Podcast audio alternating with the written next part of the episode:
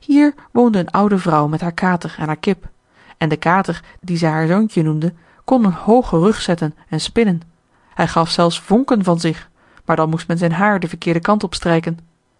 De kip had korte lage pooten en daarom werd zij juffrouw kortbeen genoemd.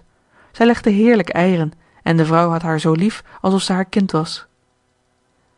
S morgens zag men het vreemde eendje dadelijk en nu begon de kater te blazen en de kip te kakelen wat is er te doen?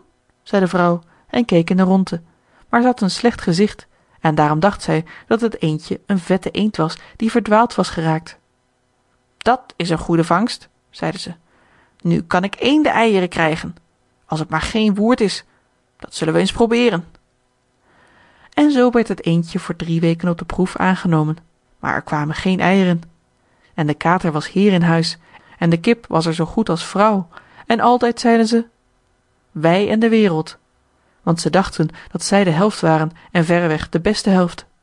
Het eendje gaf als zijn meening te kennen dat het toch ook wel eens anders zou kunnen zijn. Maar dat kon de kip niet velen. Kun je eieren leggen? vroeg ze.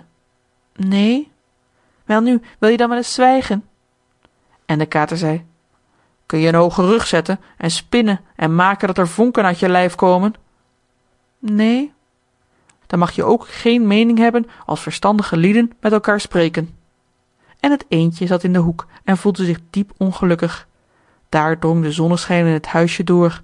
Het kreeg zulk een lust om in het water te zwemmen dat het zich niet kon weerhouden dit tegen de kip te zeggen. Wat is dat voor een dwaze inval? zei deze. Je hebt niets uit te voeren en daarom verzin je allerlei dwaasheden. Leg eieren of spin en maak je anders uit de voeten maar het is zoo prettig in het water te zwemmen zei het eendje zoo prettig het boven zijn kop te laten uitspatten en op den grond te duiken